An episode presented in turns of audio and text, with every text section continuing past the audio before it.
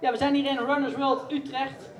En mijn naam is Koen de Jong van Sportrusten. En we zijn hier vandaag met een heel, heel bijzondere gast. Abdi Nageye.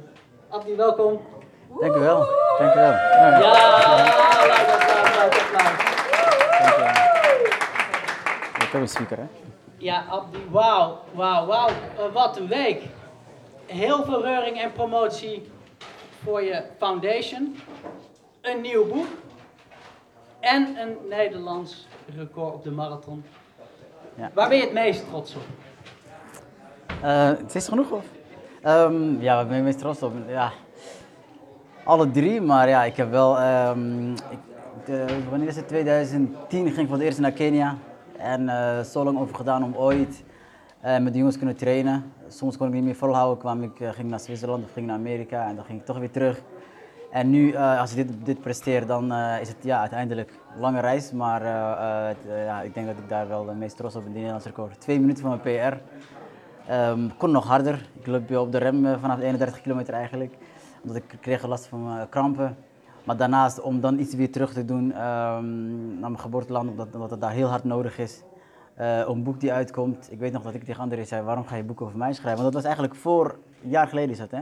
En die zei, ja, de, weg naar je, dat je op zoek gaan naar, ehm, naar je, de, achter, de achterna, eh, achternajagen naar je, eh, je droom en wat je allemaal hebt meegemaakt. eh, dat, was, dat was al een heel mooi verhaal. En dat het allemaal bij elkaar komt, is, ehm, moet ja, ben ik gewoon heel dankbaar. Mooi, mooi. Nou, André, in ieder geval bedankt.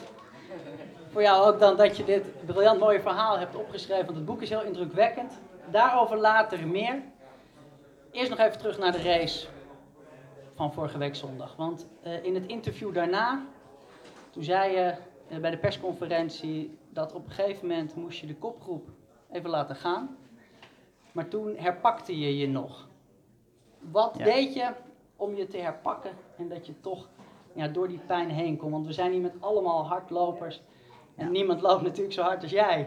Maar er zullen daar wel dingen in zijn waar wij ook van kunnen leren. Van, je liet die groep gaan, je dacht, dit mag me niet gebeuren vandaag. Wat deed je op dat moment om je daarin te herpakken? Eh, kijk, marathon, kijk ik, ben, ik ben hier natuurlijk hier in Nederland opgegroeid, dus ik loop altijd berekenen en te veel over nadenken, terwijl Kenianen onbevangen lopen. En ik wist dat het een behoorlijk step was om nu echt met de Kenianen te gaan. Ik wist dat het heel hard zal, eh, moeilijk zal worden, eh, hoge tempo. En, ehm, dus ik moest andere, voordelen uit andere dingen halen, van, net als tactisch lopen, eh, als ze gaan versnellen niet gelijk meegaan. Want die jongens, het leek op wel, ehm, als er versnelling was, gingen ze, alles, gingen ze met z'n allen in één keer hadden ze gereageerd. En ik was dan als laatste van, oh ja, is nu versnelling. Maar toen had ik al vijf meter. En ik, ik zat, oh, we lopen allemaal makkelijk. En, ah.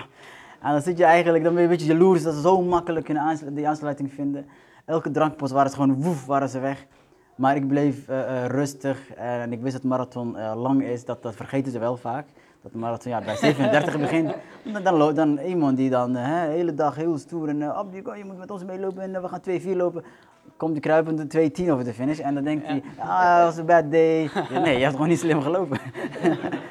maar goed, dus mijn tactiek was om ja, heel slim te lopen bij drankpost, uitkijken dat het geen valpartij was. Dat zag ik ook met Koen.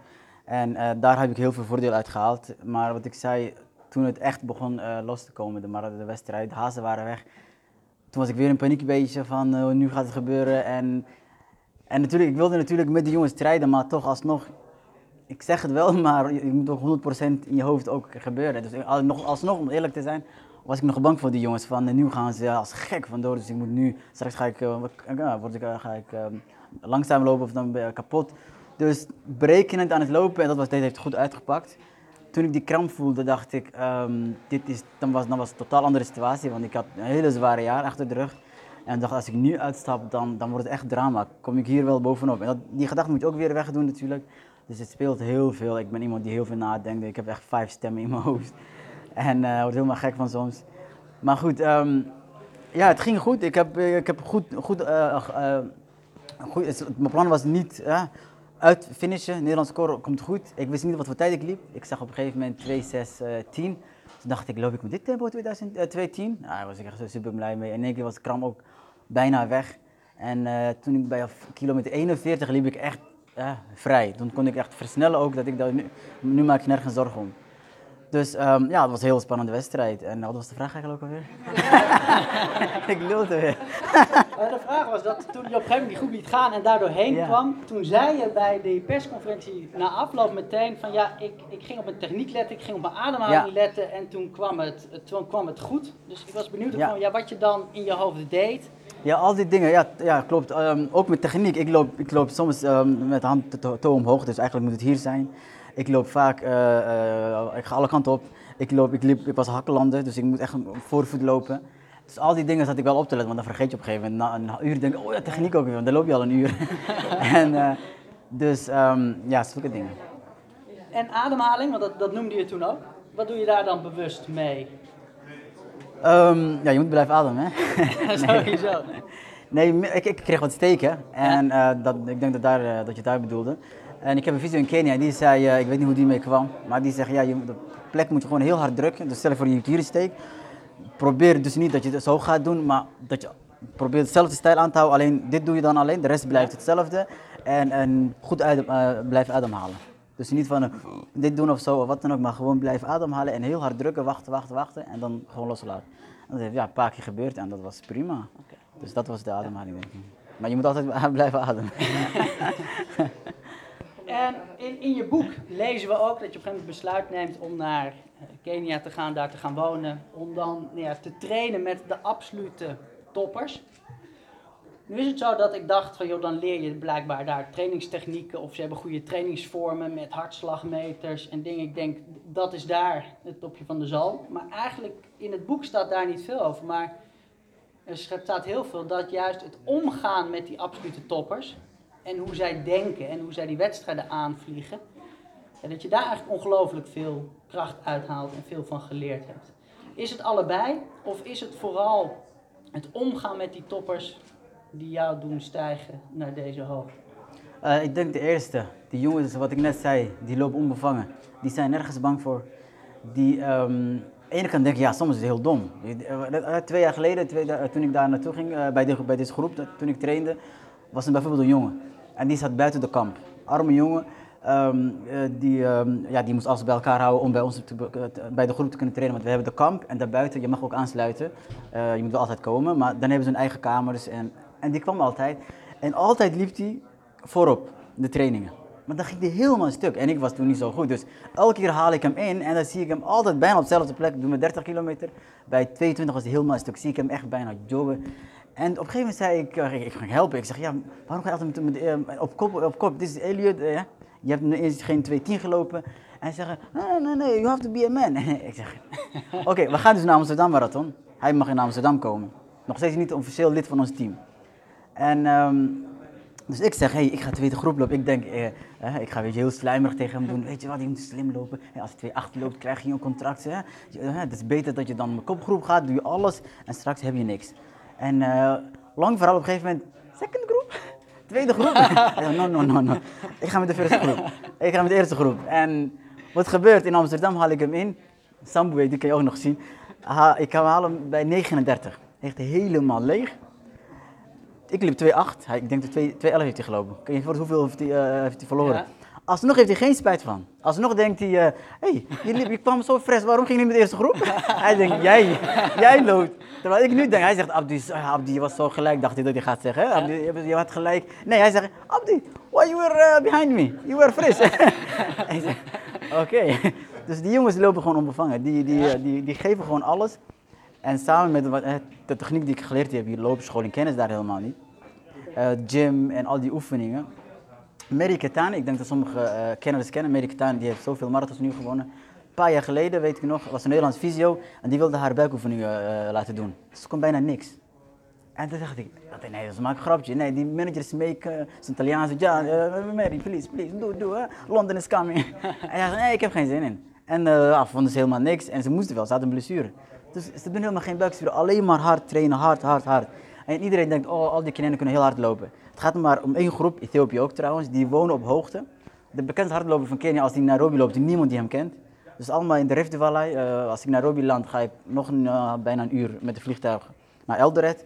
En dat is ja, één stam, Kalenjins, en die kunnen heel hard lopen. Maar daar heb je ook 5000 van. En 100, 200, die komen naar Europa. Dus iedereen denkt, oh, die Kenianen kunnen heel hard lopen. Maar duizenden gaat altijd heel stuk en die haalt ook niet. Dus het is ehm, een grote groep die alles gewoon geeft en daar komen echt dodelijke honden eruit. En ja, daar moet je mee strijden. En nu jij daar zo ongelooflijk veel progressie gemaakt hebt en dat afgelopen week hebt laten zien, heb jij nu afgelopen week dan veel telefoontjes gehad van Nederlandse atleten die vragen, Abdi, mag ik met je mee terug straks? Om daar te gaan trainen en met je mee te gaan en ook zo'n sprong te maken. Nou, wat grappig is dat ik elke uh, atleet, ik, ik, ik, ken ze bijna allemaal, je moet naar Kenia komen. Michel Butter heeft dat geprobeerd en ik denk niet dat ze gevolg gaan houden. Michel Butter was op een gegeven moment heel aardig, goed 2-9. En dat had ik ook altijd een probleem. Dan ga ik een beetje de neus, neuswijze spelen. Uh, weet je wat, ik ga dat doen, ik ga anders doen en dan dat gebeurt het niet. Maar um, ik denk dat ze wel een beetje van geschrokken zijn. 2-6, we durven niks meer te vragen. Hij heeft, hij heeft, al zo lang tegen ons gezegd, kom hier trainen, kom. En dus, um, maar sommigen proberen het wel. En, uh, en, ik denk echt, het heeft niks te maken met of je nou klantje bent of niet. En natuurlijk, ze hebben die voorsprong, ze zijn op die hoogte geboren. Ze hebben die uh, lifestyle daar.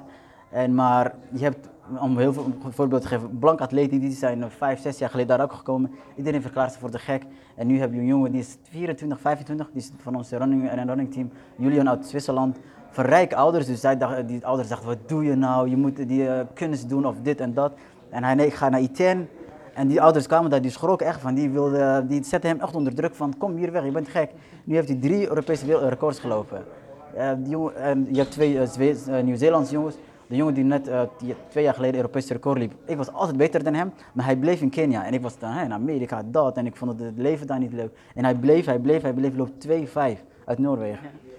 Dus het is gewoon dat je gewoon voor je doel gaat en heel lang blijft trainen. Ik heb nu weer de vraag vergeten.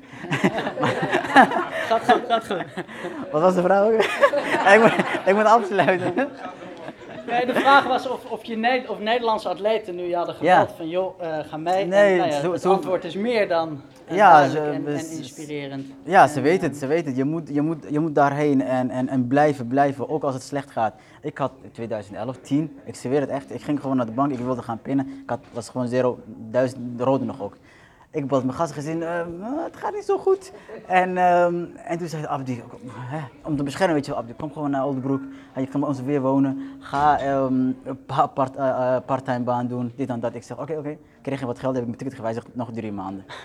dus uh, ja, je moet, je moet gewoon ja. nooit opgeven. En, en ik, ik, ik, denk, ik hoop dat echt de talenten nu... Ja, wat, wat ga je verliezen? Je bent nog jong, ook als je tot je 25e doorgaat, dat je nog altijd werken. Maar heel veel willen ja, gelijk een auto, gelijk een huis. Dat hoeft helemaal niet. Als je echt voor wil gaan, moet je gewoon daar zitten en, en struggelen, struggelen, struggelen. En dan ga je echt van genieten. Ja, mooi, inspirerend van hoe je nou ja, dromen naleeft. En als atleet, ik denk ja, dat je natuurlijk alle lof en bewondering krijgt die je toekomt. Daarnaast ben je niet alleen een bewonderingswaardig atleet, maar ook een bijzonder bewonderingswaardig mens. Want je staat nu, terwijl je nu eigenlijk op de top van je kunnen bent, hier niet eens alleen als atleet. Maar we staan hier niet met één abdi, maar met vier abdis op grote borden voor de foundation. Kun je kort iets vertellen over de foundation, over de stichting en wat je daarmee beoogt? Um, ik ik het kort hou.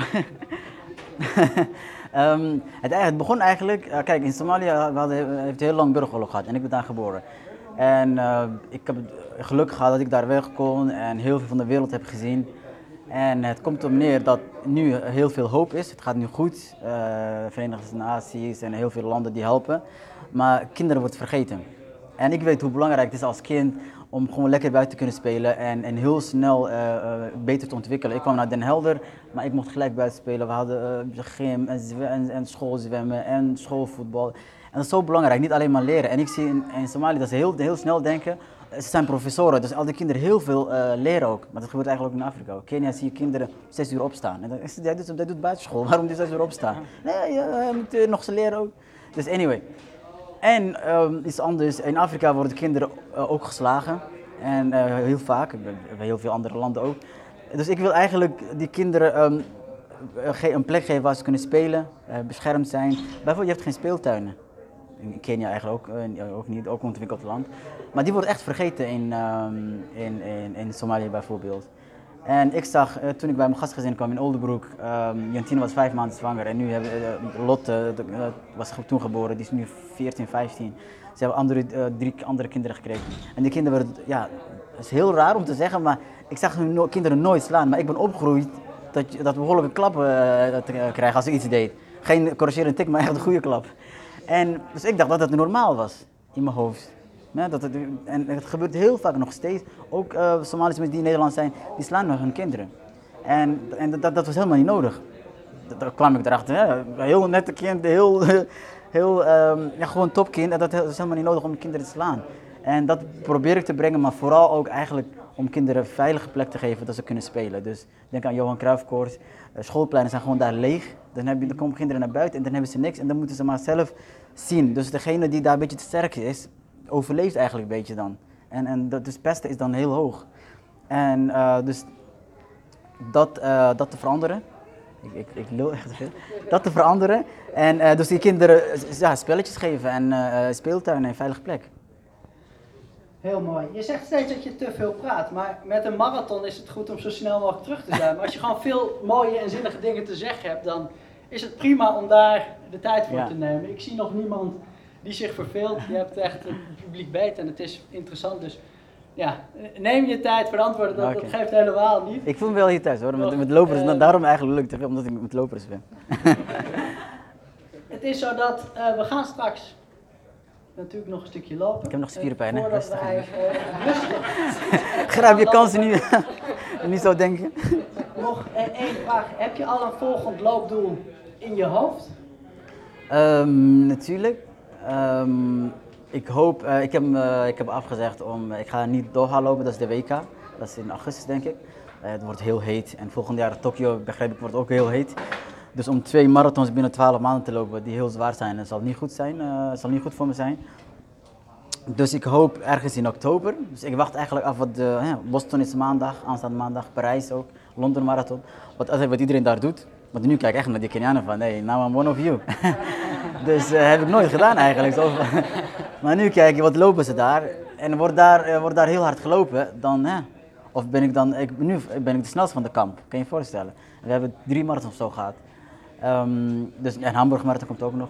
Dus anyway, na die marathons ga ik goed met de manager zitten. En eh, ja, ik hoop sowieso, het is moeilijk. Ik wil de ene kant een strijdmarathon, de andere kant ook tijdmarathon lopen. Dat ik echt het gevoel heb dat ik nu voor het Olympische Spelen nog snellere benen moet hebben. Want ja, wat ik net had gezien, als, die, als een versnelling komt, dan gaan ze echt in poef, zijn ze weg. En ehm, met twee, vijf laag is het wel eh, makkelijker, hè? Dus ehm, dat kan, ik denk dat ik wel zeker, eh, dat kan over een paar maanden. Dus of een strijdmarathon om weer te- oefenen voor ehm, Tokio. Maar ik kan misschien oktober een tijdmarathon lopen en dan ergens in maart. Ik wil niet te laat lopen, net als eh vorige Olympische Spelen. Eh, Boston dat was heel zwaar en dan heb je niet genoeg tijd om te herstellen voor die Spelen. Dus ergens in maart misschien een strijdmarathon lopen. Maar ehm, de vraag was ook, ga ik nog marathon lopen? Ja, ergens in oktober. Nou, in ieder geval heel veel, heel veel succes ermee. Erg Dankjewel. bedankt voor dit inspirerende gesprek. Ja. Eh, eerst een applaus en dan... Eén moment, ja, oké.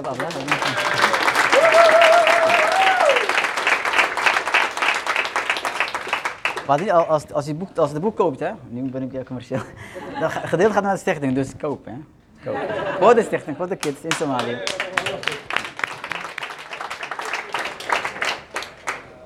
Dus het boek Oh ja, één, één, oh, maar- is het boek van André van Kats, de schrijver, is er ook. Dus als je vandaag het boek koopt, dan kun je er twee handtekeningen laten zetten. En van de schrijver.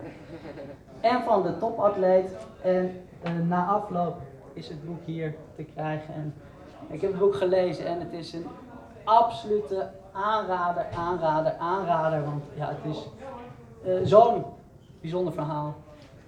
Zo'n bijzondere geschiedenis. Zo'n bijzonder resultaat. En zo mooi opgeschreven. Ik zou zeggen, koop het, lees het. Koop er twee om er ook nog één cadeau te doen. En eh, nou ja, we gaan nu lekker lopen. En nogmaals, dankjewel. Grazie.